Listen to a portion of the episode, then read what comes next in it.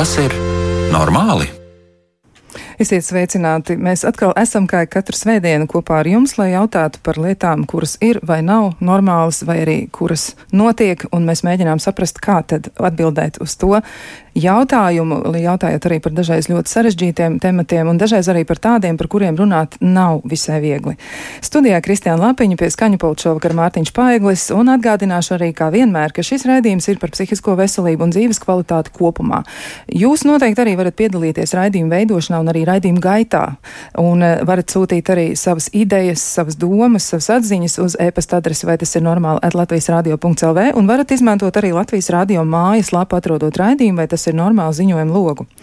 Raidījuma temats šodien būs par seksuālo vardarbību, vai mēs zinām pietiekami, lai to atpazītu, lai novērstu, un arī kā mēs spējam palīdzēt upuriem. Esam aicinājuši arī sarunā piedalīties viesus, un tie ir Kristīna Balode, klīniskā psiholoģija, sveicināta! Vēl mēs esam aicinājuši arī sarunā piedalīties Lailu Balodi, centra Dārdedz valdes loceklis. Sveicināti! Labvakar!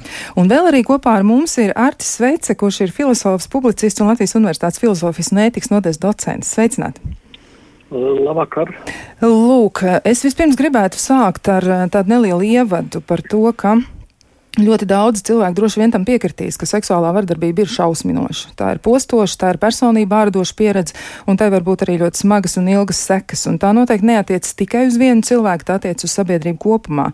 Publiskajā telpā laiku pa laikam ir dzirdami viedokļi, kā rīkoties situācijā, kad tiek veikta seksuālā vardarbība, un mums nāks secināt, ka viedokļi ir atšķirīgi. Pat tādi, kur vardarbības izraisīšanā pret sevi tiek vainots upurs aktuāli noteikti ir par to runāt īpaši pašlaik, kad Eiropa piedzīvo ko tādu, par ko gribētos nedomāt, un gribētos vienkārši noslēpties un aizmirst, ka kaut kas tāds notiek.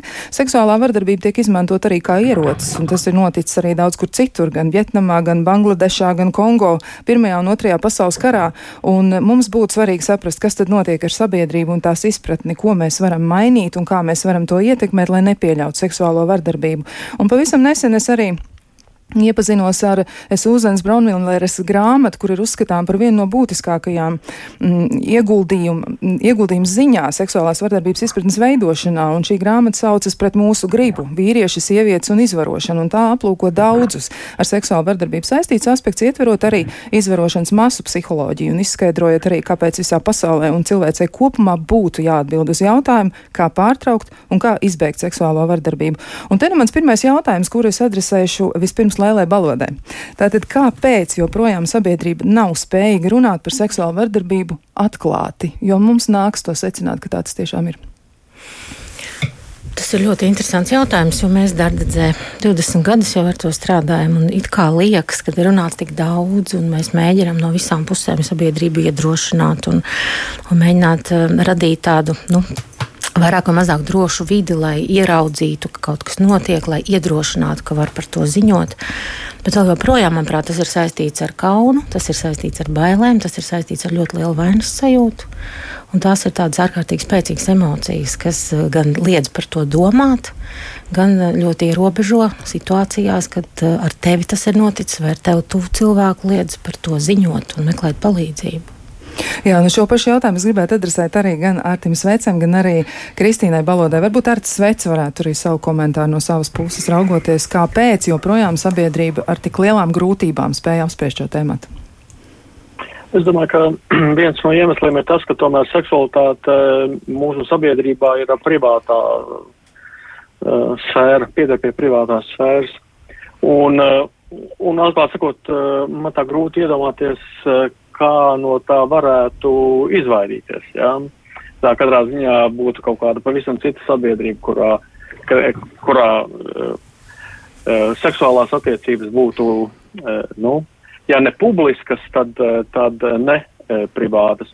Un atbilstoši tam ieklī, kad mēs viņu noliekam privātajā sfērā, mēs uzreiz radām, manuprāt, šo, uh, nu, ja ne pretrunu, tad, tad zinām tādu, nu, pretestību. Ja, uh, gan arī, un, un arī neaizsargātība. Ja tā mirklī, kad uh, tu saproti, ka uh, šī uh, joma ir privāta un tur citi nevar iekļūt, tur citi nevar liecināt, pārbaudīt uh, uh, un tā joprojām, tā uzreiz tu apzinājies, ka tur ir. Uh, nu, zinām, riski tādā mirklī, ka tu šo privāto uh, sfēru pat, nu, izcelt publiski. Labi, tātad arī šo atbildi mēs fiksējam. Un ko teiks Kristīna Balode, kas ir jūsu, jūsu viedoklis par to, kāpēc sabiedrība joprojām nav spējīga atklāt runāt par seksuālo vardarbību? Nu, es teiktu, ka es to saredzu vairāk kā tādu izglītības jautājumu, lai vispār mēs paplašinātu sabiedrībā izpratni par to, ko nozīmē seksualitāte. Jo kamēr mēs seksualitāti identificējam ar seksuālu aktu, ar, ar kaut kādu konkrētu darbību un viņu piesaistam konkrētam attiecību formātam, protams, ka tas uh, automātiski. Mm, kā lai saka, liek mums mazliet arī vēlēties atkāpties, jo tas jau nebūs tās tikai par to, ka kāds ar mums par to dalītos, bet uh, nevienmēr mēs esam gatavi arī ņemt dalību tajā, lai dzirdētu, redzētu vai novērotu un izdarītu secinājumus. Tā kā es vairāk vilktu to, to savu redzējumu tajā virzienā, kas saistās patiešām ar jēdzienu paplašinātu izpratni, kur mēs ļoti bieži arī domājot par seksuālo vardarbību, saprotam, ka tā vardarbība jau reizēm nav tādā fiziskā formā piedzīvojama pieredze, bet viņa var būt verbāla, viņa var reizēm būt arī. Uh, nu, pat vairāk kaut kāda ideoloģija pārstāvoša, ticības pārstāvoša un uh, dažādas uztvers, nu, tādas nianses pārstāvoša cilvēku apziņās un arī līdz ar to viņu uzvedībās un tajā, kā viņi, ko viņi var vai nevar ar to izdarīt. Nu, rekā, nu tad atkal gribas atgriezties pie Sveces kungu un jautāt, bet kā tad tas nākas, ka um, seksuālā vardarbība tiek izmantot arī kā ierocis un uh, reizēm arī, nu, tiešām ļoti, ļoti briesmīgas ir tās sekas, un tas, ko mēs uzzinām par to, kā tas notiek, tas nav nekas jauns. Tajā nozīmē, ka patiesi, kā pētījumi rāda, un arī vēsturnieki, un arī citi pētnieki ir aprakstījuši ļoti daudzas šādas pieredzes cilvēces vēsturē, un tas tiešām neliek domāt par mums kā par tādām laipnām un labām būtnēm. Kā jūs to izskaidrot, kā ar vien tā notiek? Kāds ir mērķis seksuālajai vardarbībai šādos te militāros konfliktos? nu, neesmu pārliecināts. Es, Eh, esmu īstais cilvēks, kurš varētu zināt tos cēloņus, bet eh, pirms es par šo mēģinu eh, pakomentēt, tad es par to iepriekšējo kolēģis teikto.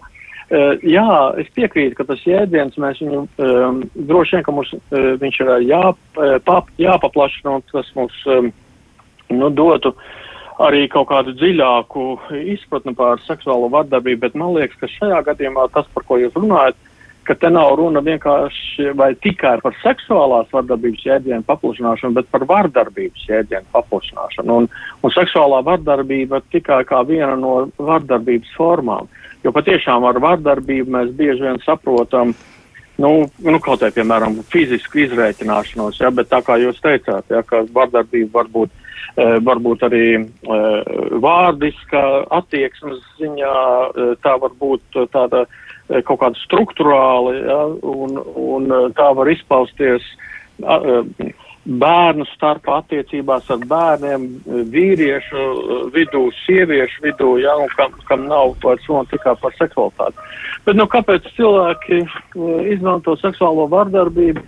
Jā, nu, tiešām es, es, es te nebūšu speciāls, bet, nu, nu, nu skaidrs, ka tur ir gan kaut kādi tādi bioloģiski iemesli, iedzimti iemesli, kas nekādā veidā neattaisno šādu uh, rīcību. Uh, jā, uh, gan, nu, es nezinu, jā, nu, atkal tas, man liekas, ir jautājums par to, kā, kā mūsu kultūrā, kā mēs arī simboliski izpaužam uh, izpaužam nu, gan to varu, gan pārākumu.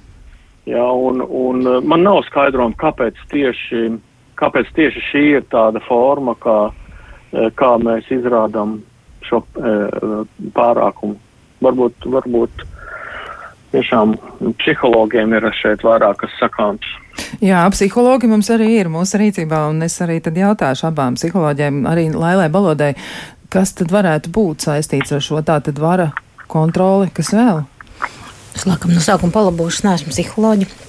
Es esmu brīnišķīga sociālā darbinieca. Labi, tā tad Jā, kas jau 20 gadus strādā ar seksuālo vardarbību.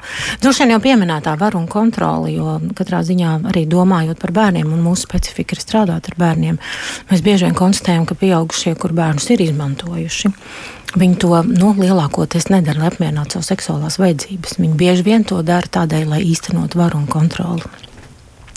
Lai, lai pierādītu kaut ko sev, lai, lai parādītu to savu pārākumu. Un, un es domāju, ka karš un, un kara situācija lielā mērā ir arī par šo. Un vēl par nu, seksuālās vardarbības formām Svecis kungam tiešām jāpiekrīt, ka um, patiešām seksuālās vardarbības formas ir ārkārtīgi daudz, un, un visas no tām ir pietiekami smagas upurim. Un, un tas ir sabiedrības izglītošanas moments, jo mums dažkārt liekas, ka seksuāla vardarbība ir tikai dzimuma kontakts. Bet ikvienu var seksuāli izmantot, viņam pat nepieskaroties. Un tas ir kaut kas, kas mums ir jāņem vērā, saprotot, kā var justies cilvēks, kurš ir izmantots, kā var justies cilvēks, kurš ir iesaistīts šādās attiecībās, un nerad tās sekas, ko viņš piedzīvo, ir tikpat smagas kā tad, kad notiek penetrācija, tātad iekļūšana ķermenī. Jā, cilvēkiem neskapēc tiešām ir tāds priekšstats, un varbūt arī to neskapēc mēs varam izskaidrot. Varbūt arī Kristīna Valoda par to var ko teikt, kā tas nāks, ka cilvēki nu, jā, viņi, viņi, viņi, viņi varbūt neizprot īsti, kas tas ir. Un varu un kontroli tas ir kaut kas viens, ko mēs ar to saprotam, bet kas tur vēl varētu būt tajā visā? Man uzmanība vienmēr saist arī um, domājot par to, ka, nu, pirmkārt, lai mēs varētu runāt par uh, vardarbību kā tādu, mums ir jāatrod vismaz divi elementi, kurš tad ar kuru kaut kādā mērā mēģinās risināt konfliktu, vai tas konflikts būtu iekšējs vai ārējs.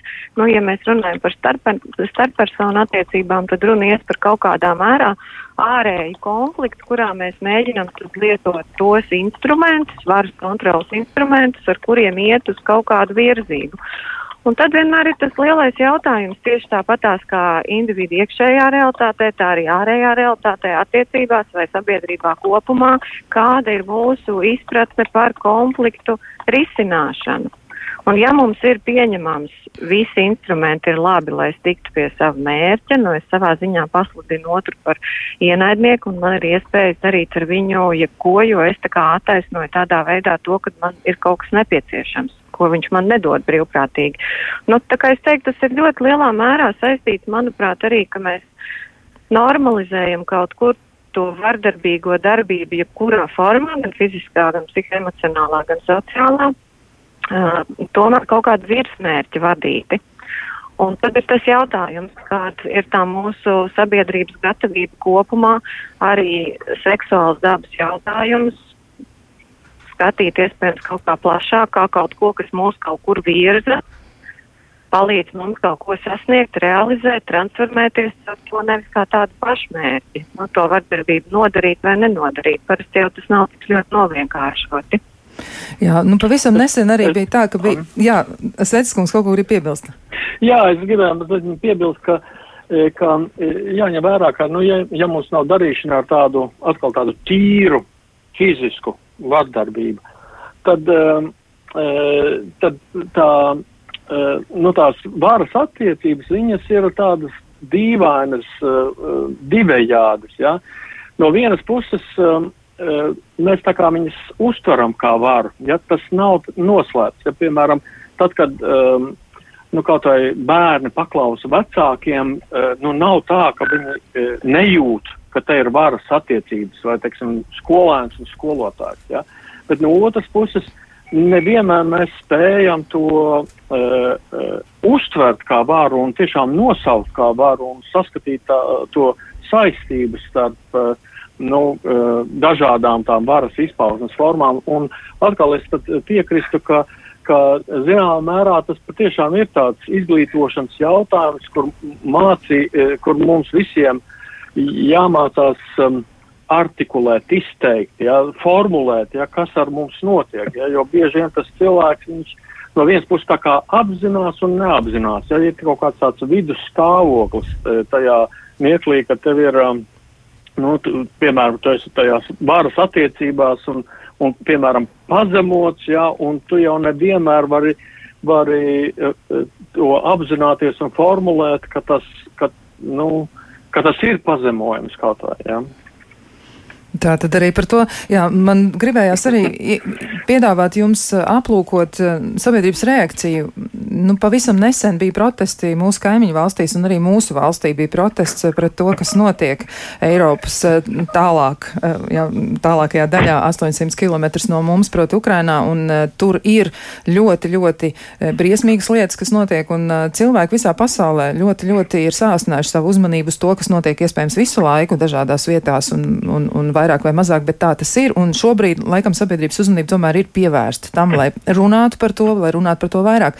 Un ļoti savādā kārtā daudzi cilvēki novērtējot šo te protestu akciju, kur sievietes bija mēģinājušas atainot um, seksuālās vardarbības upurus un, un tīri vizualizēt, kā tas varētu izskatīties, tur ir ļoti daudz arī tādu negatīvu komentāru. Nu, varbūt es varētu katram no jums arī lūgt jūsu domas uh, paust par to, kā jūs to vērtējat un kāpēc tas tā varētu būt. Un varbūt es sākšu tad ar Sveces kungu un tad došu pēc tam vārdu abām dāmām. Nu, um, nu, Pirmkārt, jāsaprot uh, tas, ka uh, šāda veida akcijas nu, ir domātas, lai nevis vienkārši uzrunātu vai informētu uh, skatītājus, bet um, uh, nu, kaut kā liktu viņiem noreaģēt. Un tāpēc es, es, es tur nesaskatu nekā neparasta, ja, ka ir dažādas reakcijas. Tāpat Uh, uh, tā, ka tā ir publiskā telpa, tad uh, var būt dažādi cilvēki apkārt ar dažādām attieksmēm, un viņiem ir tiesības paust arī savu nepatiku.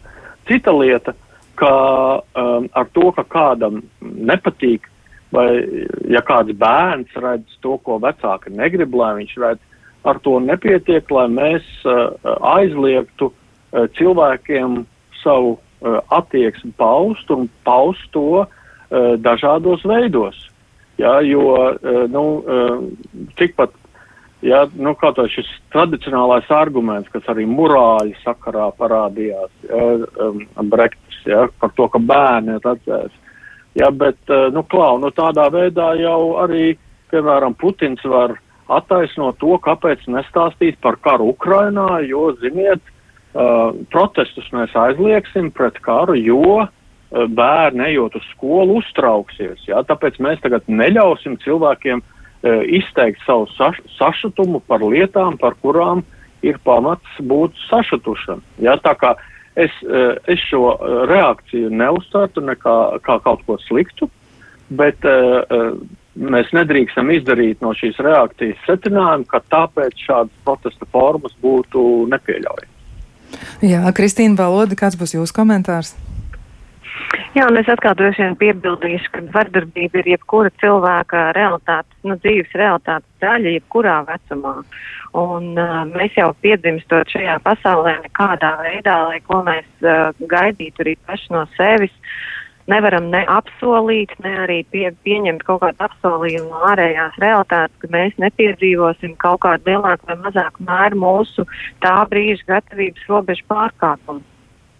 Tā kā es sadalīt it kā to jautājumu tādās divās daļās. Viens ir par to, ko mēs preventīvi darām, lai mazinātu vardarbību, pirmkārt jau vairojot un skaidrojot, kādās formās mēs viņu piedzīvojam. Un otra lieta, kas ir, nu, manuprāt, arī ārkārtīgi būtisks jautājums, kā mēs pēc tam integrējam to traumatisko pieredzi, ar kuru mēs šobrīd katrs no mums saskarās kaut kādā veidā. Un, lai mēs kā izslēgtu šo pieredzi kopumā, nu, tas, protams, nav iespējams. Tā kā, nu, nu jā, un ir tīpaši tad, kad runa iet par kaut kādām radošām mākslas akcijām vai jebko, kur cilvēks lieto savu radošumu, lai runātu par mums visiem nozīmīgām tēmām. Es domāju, tas vispār nav izsverams kategorijās patīk, nepatīk dzīve jau kopumā nav par patikšanu vai nepatikšanu. Mēs saskaramies ar ļoti daudziem dažādiem, dažādām dzīves pieredzēm, un tās pieredzes jau reizēm arī, ja mēs par traumu, piemēram, domājam, man jau varbūt arī kaut kāds ārkārtīgi sajūsminošs dzīves pieredze, kur man visu dzīvi pēc tam paliek kā atskaits punkts, un pārējais viss man liekas pelēks un garlaicīgs un nekāds, jo man ir bijusi tā ārkārtīgā sāsinātā pieredze, kopš, no kuras es tagad izvērtēšu vispārējo. Un reizēm viņu integrēt kā vienkārši vienu uh, tādu dzīves pieredzi, nevis pēc kuras tagad mērīt visu savu arī turpmāko vai iepriekšējo dzīvi, bet vienkārši tik vienkārši arī atstāt kā vienu no un skatīties tai kopumā plašāk arī reizēm nav vienkārši. Tā kā, uh, nu, mūsu psihiskie procesi jau nevienmēr šķiro labais, sliktais. Tā, tās reakcijas, gan somatiskās, gan psihiskās, kuras mums ir uz to pieredzi, īpaši tur reizē neatšķirās. Nu, tas ir atkal tas integrēšanas jautājums. Kādas pārdomas tas raisīja? Gan iespējams tam vecākam, kurš gāja garām ar to bērnu, gan iespējams tam pieaugušajam, kurš iespējams kaut kādā līdz šim par to jautājumu varbūt nebija domājis, kā par viņu varētu runāt, bet vērtēt tādās kategorijās labi, slikti, manuprāt, galīgi ne par to stāsts. Jā, un ko Lēla Baloda piebildīs? Es laikam varētu piebilst to, ka mēs šobrīd esam tādā interesantā situācijā, kad faktiski mums ir jāpārvērtē sev attieksme pret vardarbību vispār, jo mēs ilgu laiku esam dzīvojuši tādos nu, ideālos apstākļos. Mēs lielākā daļa sabiedrības, varbūt tāda organizācija kā mēs, mums bija skaidrs, ka vardarbība notiek, bet viena liela daļa sabiedrības, manuprāt, domāja, ka viss ir baigi skaisti un ka nav nekāda liela problēma. Un karš savā ziņā parāda, ka problēmas ir, tās ir tepat blakus, tās nav simpātiskas, tās nav patīkami skatīt vaigā. Un šāda akcija liek mums uz to skatīties. Un mums liek faktiski nu, nonākt eh, konfrontācijā ar to, no kā mēs labprāt būtu izvairījušies. Un tad mēs meklējam visādus argumentus, kāpēc mēs to negribam redzēt. Un, protams, viens labs arguments ir tas, ko bērni par to sacīs. Vai, ne? un, vai tik bērniem šis nebūs pat raka, viņi kaut ko tādu ieraudzīs. Bet, manuprāt, ir ārkārtīgi būtiski saprast, ka bērns mums blakus ir arī tā vērts, un viņš arī interesanti šobrīd dzīvo tajā pašā informācijas laukā, kur mēs. Viņam arī ir vajadzīga informācija par to, kas notiek, viņam ir vajadzīgs skaidrojums par to, kas notiek. Un tikai mēs, pieaugušie, varam būt tie, kas šo skaidrojumu viņam var dot par to, kāda ir dzīve, kāda ir pasaule, ka tā nu, reizēm mēdz būt arī pietiekami skarba nu, dodot, protams, kaut kādus savus skaidrojumus, kur tos risinājumus meklēt. Un savā ziņā, manuprāt, šī situācija šobrīd ir ļoti laba, jo visas tās zem paklāja paslaucītās lietas šobrīd ir jāizvelk gaismā un jāsāk runāt par to, par ko līdz šim varbūt runāt nebija ērti, vai mēs sev bijām iestāstījuši, ka uz mums tas neatiecās. Jā, nu ir ļoti viegli pagriezt galvu uz otru pusi un izlikties, ka nekas nenotiek, bet dati liecina par ko citu, par to, ka vajadzētu skatīties tieši problēmai sejā. Un uh, izrādās arī, ka liela daļa, piemēram, no tiem bērniem, kuri tiek seksuāli izmantoti mājās, vai arī vispār tiek seksuāli izmantota, lielākā daļa no viņiem ir piedzīvojuši šo seksuālo vardarbību no cilvēku, ko viņi pazīst. Tie ir vairāk kā 90%. Ja, tas nozīmē, ka tas nav svešs cilvēks, kāds briesmots, kas atnāk no malas, bet tas ir cilvēks, ko viņš zina. Tad kā to izskaidrot, ka joprojām tas notiek un joprojām cilvēki par to nerunā? Laila. Es domāju, tas, ka tie ir tuvinieki, to var izskaidrot ļoti viegli, jo viņiem bērni ir viegli pieejami. Viņi var bērnus viegli teikt, apvārdot un, un radīt viņiem apstākļus, vai radīt nu, kopīgus apstākļus, lai tie nolūki tiktu īstenoti, kādi pieaugušam ir. Līdz ar to bērnam jau pieredzes nav. Viņš ne, nevienmēr zina, ko drīkst un nedrīkst ar viņu darīt. Jo arī mūsu darbības pieredzē ir bijusi sešgadīga meitene, kur bija pilnīgi pārliecināta, ka visi tēti vakarā iet pie savām meitām un aizskar viņu dzimumu orgānus. Ja? Kad viņai bija absolūts atklājums, ka patiesībā visās ģimenēs tā nemaz nenotiek. Viņai likās, ka tā notiek ar visiem bērniem, vienkārši par to skaļi nerunā, tāpat kā ar citas lietas, par kurām mēs skaļi nerunājam. Tā kā pieaugušiem, kur ar bērniem kopā, viņiem ir labi iespēja radīt priekšstatu un normalizēt absolūti nenormālas lietas, ja bērnam jau nav pieredzes. Un, un, un tāpēc, eh, nu, tieši tāpēc tie ir tie tuvinieki, tie, nu, tie cilvēki, kur bērnam visvieglāk var piekļūt, kur ikdienā ir kopā ar bērnu. Jo, ja mēs skatāmies no tāda nu, nozie, no, nozieguma brīnišķīgās ķīmijas viedokļa, tad, lai notiktu uh, seksuāls, seksuāla vardarbība vai dzimuma noziegums, ir vajadzīgi trīs komponenti. Ir vajadzīgs upuris, ir vajadzīgs varmāk, un tad ir vajadzīga vieta, kur tam visam notikt. Un māja ir brīnišķīga vieta, kur tam notikt. Jo tur nu, cilvēks, kuram ir vajadzība šo īstenot, viņš ir scenārija autors. Viņš veido, veido šo te visas tās mizanscēnas. Viņš, viņš panāk, lai kāds nav mājās un tā tālāk. Ja viņš var visus apkārtējos apstākļus pakārtot savu vajadzību apmierināšanai. un bērns tajā visā ir kā bandinieks. Un, un, jā, un, un domājot, atkal atgriežoties pie tādām globālākām lietām, pie kara, tur jau arī ir upuris, eh, potenciāls ir varmāku, kuram ir mērķis kaut ko darīt, un tad ir vieta, kas kaut kādā mērā kā, ļauj darīt vairāk nekā ikdienā, kas tev atļauj atļauties, un cilvēki atļaujās. Jā, nu, diezgan daudz ko pārspriest, un eh, noteikti mēs to arī darīsim, bet mēs turpināsim mūsu sarunu pēc ļoti, ļoti īsa brīža.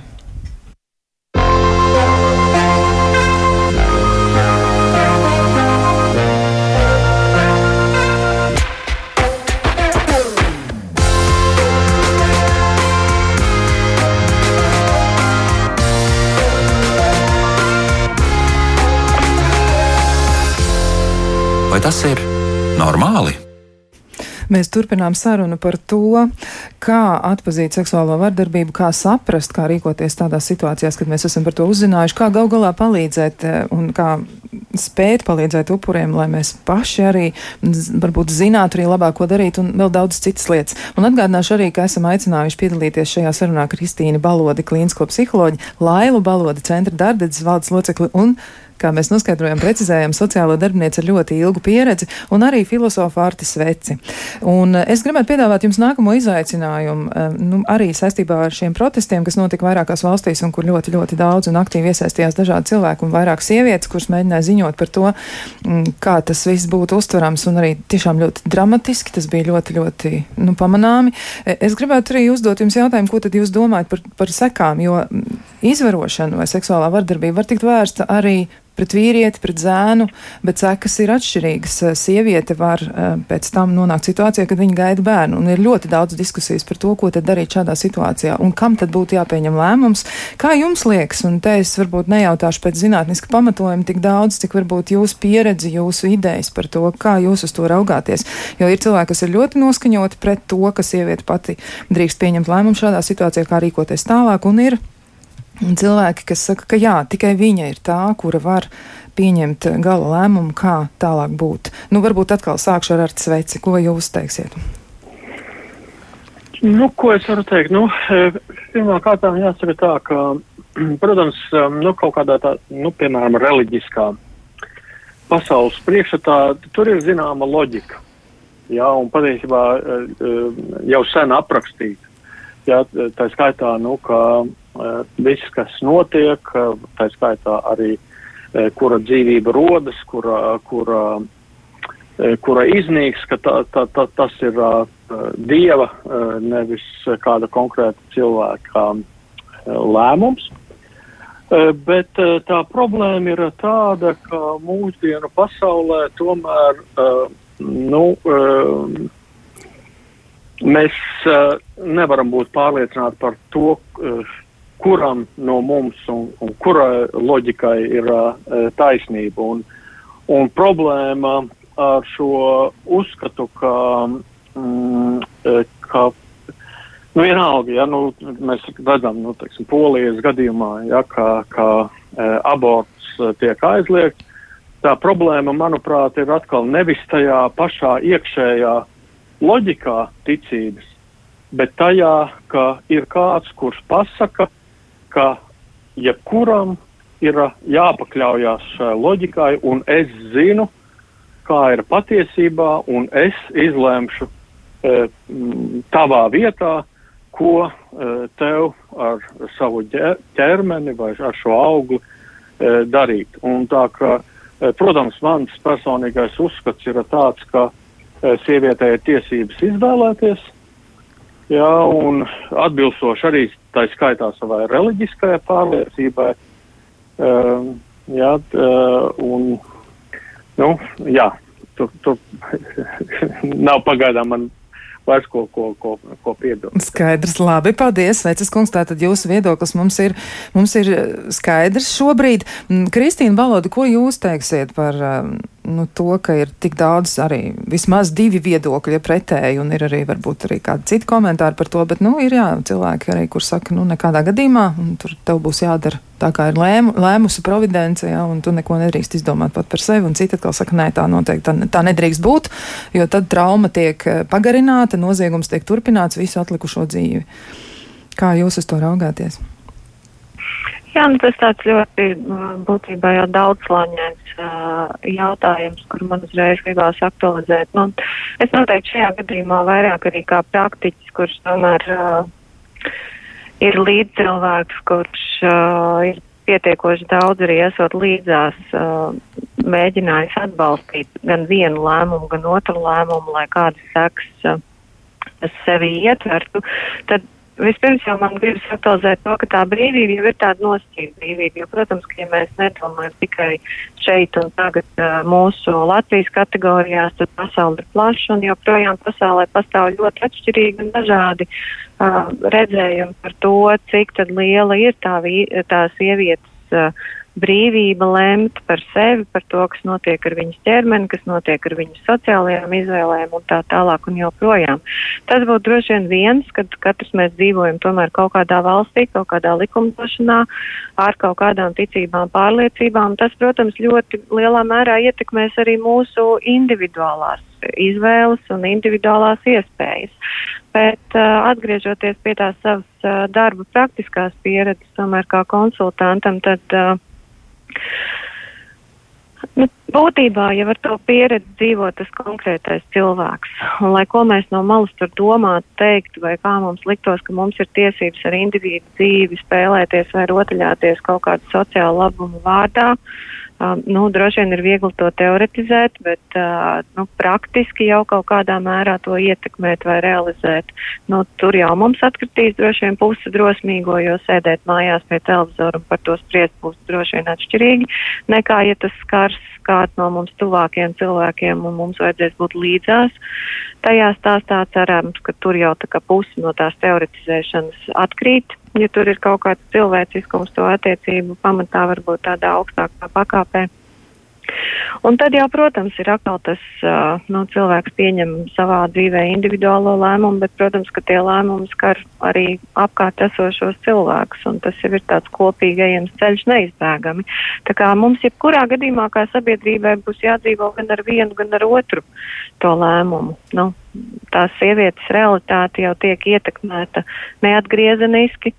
Un, protams, kad arī tas, kāda būs tā viņas turpmākā dzīve, vai šajā gadījumā, piemēram, tā dzimušā bērna dzīve un mūsu attieksme pret šīm dzīvēm, nu, tāds kopīgs ceļojums, kurā mēs ejam, jebkurā gadījumā, lai kuru lēmumu mēs tur atbalstītu, pieņemtu. Tā, man liekas, būtiski ir arī nezaudēt to saitni kas reizēm ir daudz izšķiroši svarīgāk nekā kaut kāda zināšana, kā tagad vajadzētu visiem un vienmēr. Jā, un Laila, ko teiks? Nu, es arī uz to skatos tā ļoti eksistenciāli. Manuprāt, ik vienam cilvēkam ir uh, tiesības uh, savā dzīvē pieņemt lēmumus un uzņemties atbildību par šiem lēmumiem. Tikai cita lieta ir tā, ka mums ir ārkārtīgi svarīgi pieņemt informētus lēmumus. Tad tas nozīmē, ka uh, pirms tam cilvēkam ir vajadzīga Nu, viņam būtu jābūt iespējai saņemt konsultāciju un saprast, kā, kā, kā, tas viss tur vēlāk var izvērsties. Jo um, pilnīgi skaidrs ir viens, ka sievietes ķermenis pieder viņai, šie lēmumi ir jāpieņem viņai pašai. Nekādā gadījumā nezinu, nekas, kas ir saistīts ar, ar reliģiskām pārliecībām vai mm, valsts uzstādījumiem, nedrīkstētu šajā gadījumā lemt sievietes vietā. Tā ir viņas dzīve, tas ir viņas ķermenis, tā ir viņas izvēle. Un tā ir viņas atbildība pēc tam par to, ko viņa būs izvēlējusies. Jā, nu par atbildību tur ir arī dažreiz tā grūti runāt, eh, vēl jau vairāk, ja mēs domājam, nu, diezin vai tas varētu būt tāds dievišķs plāns, ka kaut kam būtu jānotiek tik šaušalīgā veidā, ja, un ka viņai būtu jānonāk, piemēram, pie pēcnācēja, kaut kā tam līdzīgi. Tas liekas diezgan briesmīgi tāda doma. Nu, es domāju, šajā gadījumā atbildība par to, vai saglabāt šo grūtniecību vai nē, tajā momentā tā ir viņas atbildība. Bet, protams, mēs domājam par tiem cilvēkiem, kuri ir iesaistīti šī nozieguma izdarīšanā. Tie ir citi atkal atbildības līmeņi, par ko gribētos domāt, ka, nu, ka tiesības sargājušās institūcijas ar to galā tiek, nu, vai arī nezinu, kādi augstāki spēki, ja mēs tā, nu, tā, tādā veidā uz to skatāmies. Katrā ziņā es domāju, šajā gadījumā tā atbildība par, par to sievietes lēmumu. Jā, viņa pati viņu uzņemās nevis kāds cits viņas vietā. Jo patiesībā tāda atbildības uzņemšanās tā jau ir nu, savā ziņā tāda kontrole par savu dzīvi. Jo izvarošanas gadījumā tu jau vairs savu dzīvi neesi kontrolējis, kāds cits to ir darījis. Tad tajā mirklī, kad tu esi no tā visā ārā, tu vari pieņemt lēmumu un tu vari pateikt, tad nu, es šo turpinu vai es to pārtraucu. Tas ir mans lēmums. Jo tagad es kontrolēju savu dzīvi. Un tās sekas, kas ar mani šī gadījuma rezultātā ir notikušas. Tieši tas varētu būt tas lielākais izaicinājums, ja tā kontrolas zaudēšana, tad tad tā var turpināties arī to visu atlikušo dzīvi, un tā varētu būt ļoti, ļoti grūta lieta.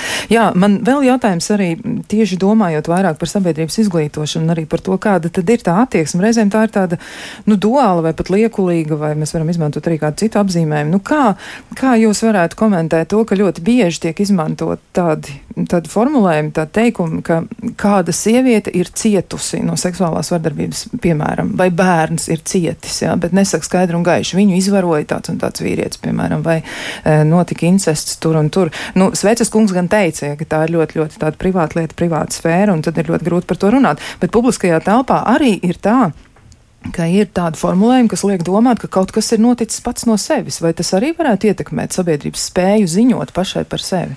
Laila, es domāju, ka jā, es domāju, ka noteikti, jo nu, mums ir tendence nesaukt lietas īstos vārdos un tā nedaudz mākoņēni par lietām runāt un izmantot slaveno ēzopu valodu, bet uh, faktiski, manuprāt, ir svarīgi, ja mēs runājam, ja mēs pievēršam uzmanību, ja mēs nebaidamies, ja mēs kā sabiedrība nebaidamies ja mēs kā speciālisti nebaidamies. Jo šeit atkal mēs varam runāt par sabiedrību kā par dažādu speciālistu kopumu, bet tur mums ir skolotāji un, un, un, un pedagogi un, un nezinu, psihologi, ārsti un tā tālāk. Un katrai no šīm profesionāļu grupām ir arī nedaudz cits priekšstats par to, ko nozīmē seksuāla vardarbība un kas ir tā galējā un trakākā izpausme.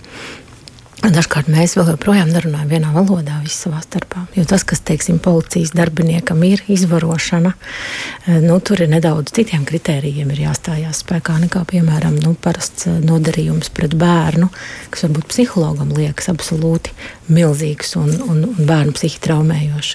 Bet bieži vien tādā situācijā nonākot, piemēram, policijā mums uh, pasaka, ka mēs jūsu iesniegumu neņemsim, vai arī mēs viņu paņemam un krimināla procesu tur nesanāk.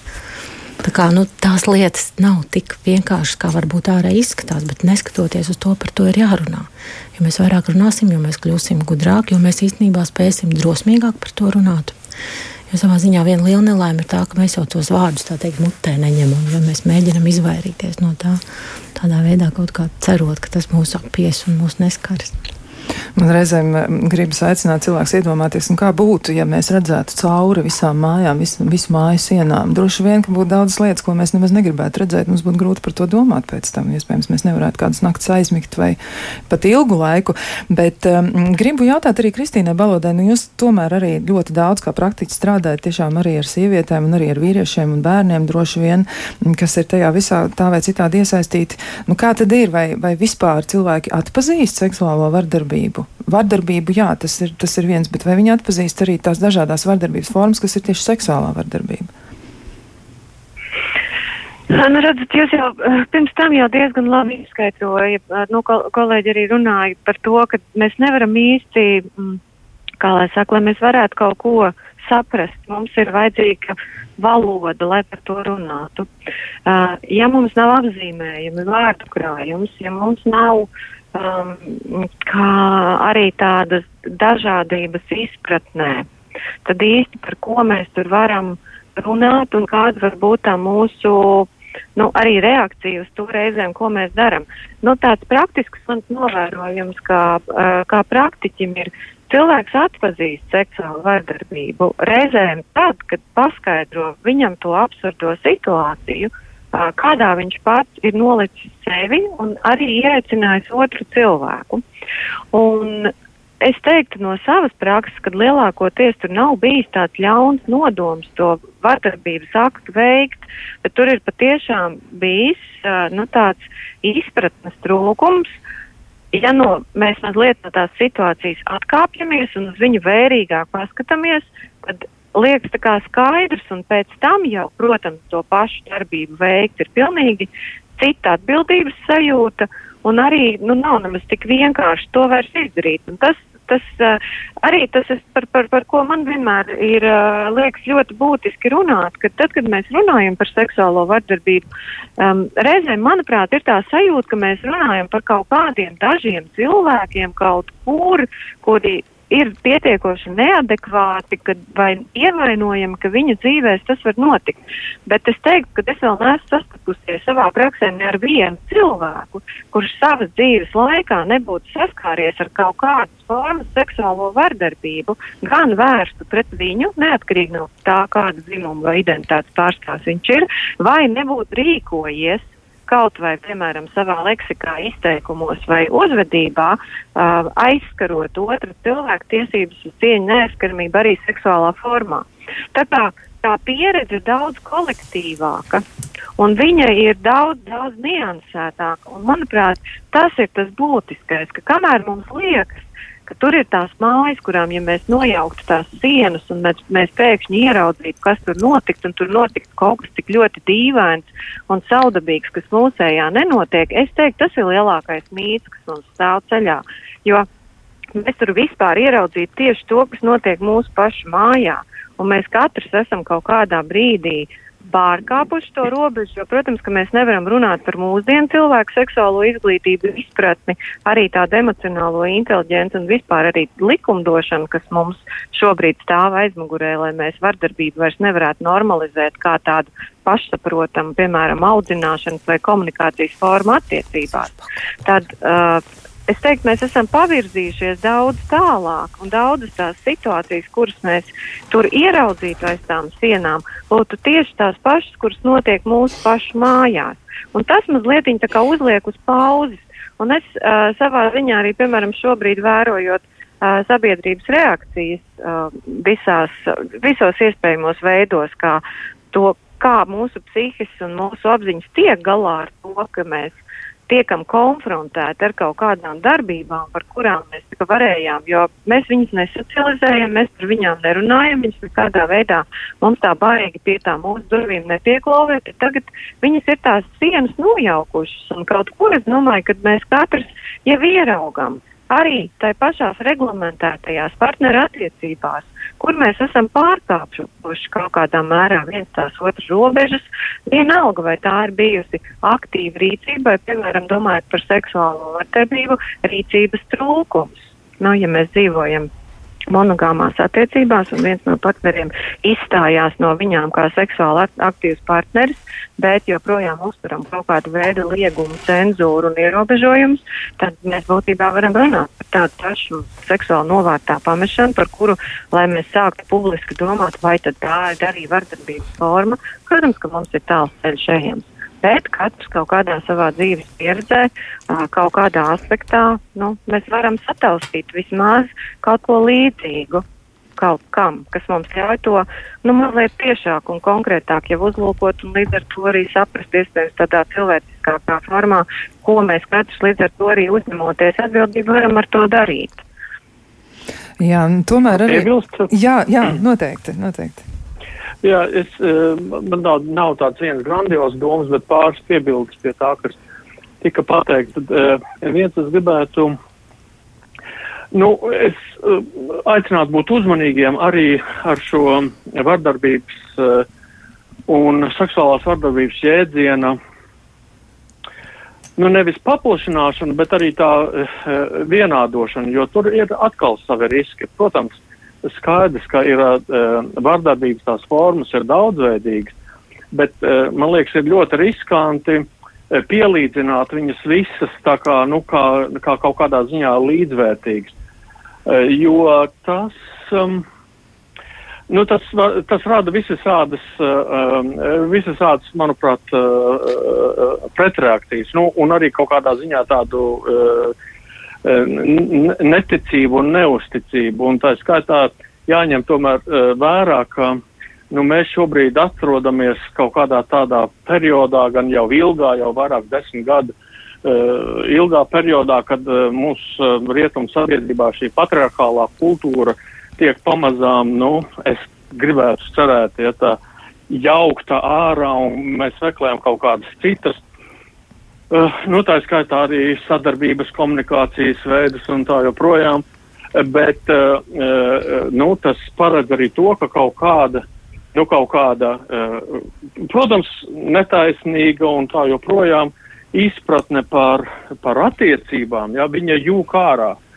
Un, un daudzi cilvēki, es domāju, arī, nu, piemēram, vīrieši, ja, nu, no vienas puses arī tā kā nesaprot, kādi ir tie jaunie noteikumi, un tas rada, zinām, pretreakcijas. Atceros savā laikā sešatnē, kad es mācījos, tas jau 90. gados, piemēram, viens no pasniedzējiem stāstīja, ka viņš visu laiku tur durvis vaļā, kad ir uh, studenti ienākuši viņa kabinetā, jo viņam ir bail, ka viņu tagad apsūdzēs uh, ar uh, sexual harassment, ja, tā kā uh, seksuālo uzmākšanos, ja, kas, kas apliecina, ja kaut kādas bailes. Ja, un tagad ir tas viens jautājums, ja tā kā mums mainās normas, un mainās izpratne par, par, par varu un vardarbību.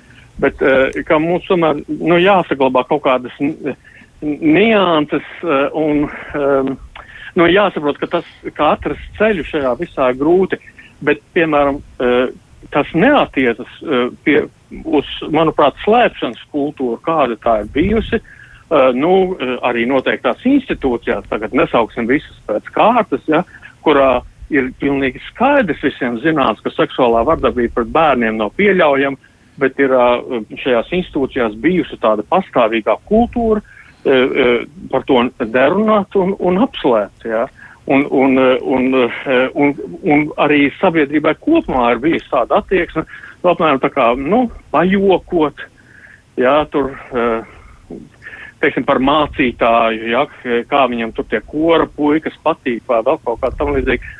Un es domāju, ka šeit nu gan uh, ir jābūt tādai nu, ļoti skaidrai attieksmē, nu, ja, jo tur jau te nav runa par to, ka ir kaut kādas vērtību mājas vai vērtību neskaidrība. Te visiem viss ir skaidrs, kādas ir vērtības, bet tāpat ir šī noslēpšanas kultūra. Un pēdējais, ko es gribēju pateikt, ka arī nevajadzētu pārāk nu, cerēt uz to, ka tā vienkārši mēs tagad uh, arvien vairāk un atklātāk runāsim par šīm lietām, jo, piemēram, tie paši eifēmismi un tā nesaukšana vārdos, uh, viņa nekur nepazūd un savā ziņā viņa kaut kādā jaunā formā atgriežas, jo, piemēram, uh, ir, uh, es zinu, Amerikas universitātēs uh, uh, ir, uh, piemēram, problēmas, juristiem runāt ar auditoriju, studentu auditoriju par seksuāliem noziegumiem tādā kriminālistikas kontekstā, jurisprudences nu, kontekstā, jo studenti to uztver kā pārāk nepatīkamu tēmu, un tāpēc šī tēma kā nepatīkama tiek cenzēta.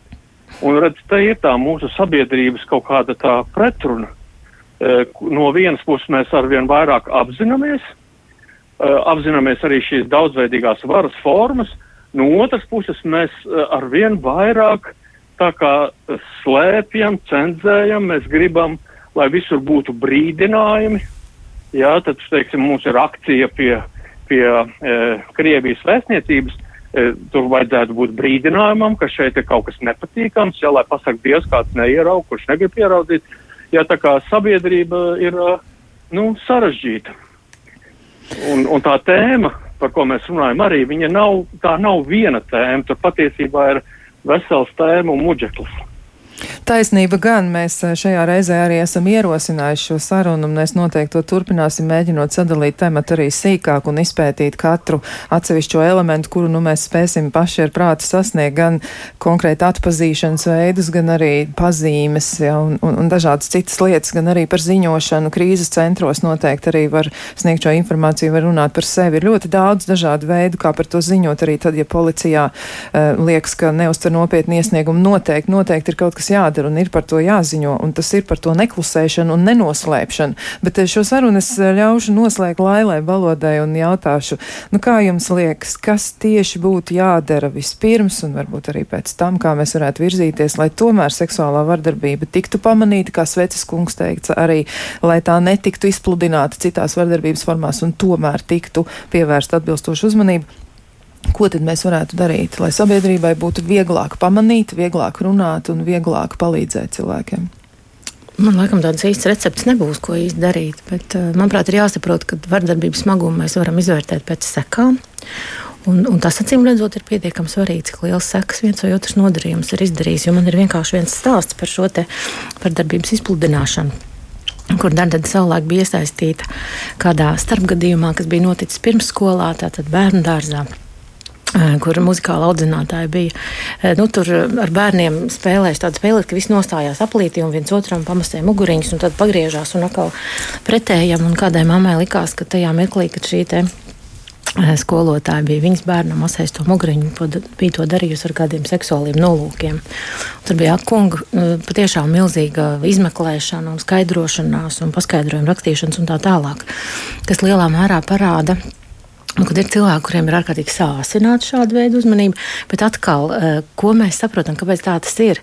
Ka faktiski bieži vien tie vecāki, kur saskata lietas tur, kur to patiesībā nemaz nav, beig beigās izrādās, viņi paši bērnībā ir piedzīvojuši seksuālu vardarbību. Viņi īstenībā to redz.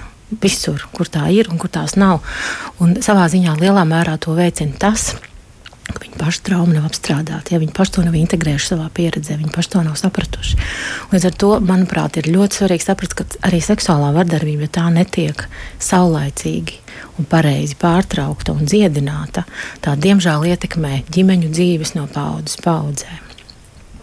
Jā, tas nozīmē, ka sekas ir ilgas un un tās var ietekmēt cilvēkus un sabiedrību ļoti, ļoti ilgu laiku. Šiem ieplī teikšu paldies Kristīnai Balodē, klīniskajai psiholoģijai Lailai Balodē, centra Dārdedes valdes loceklē sociālajai darbiniecei un Ārtim Svecem, filozofam.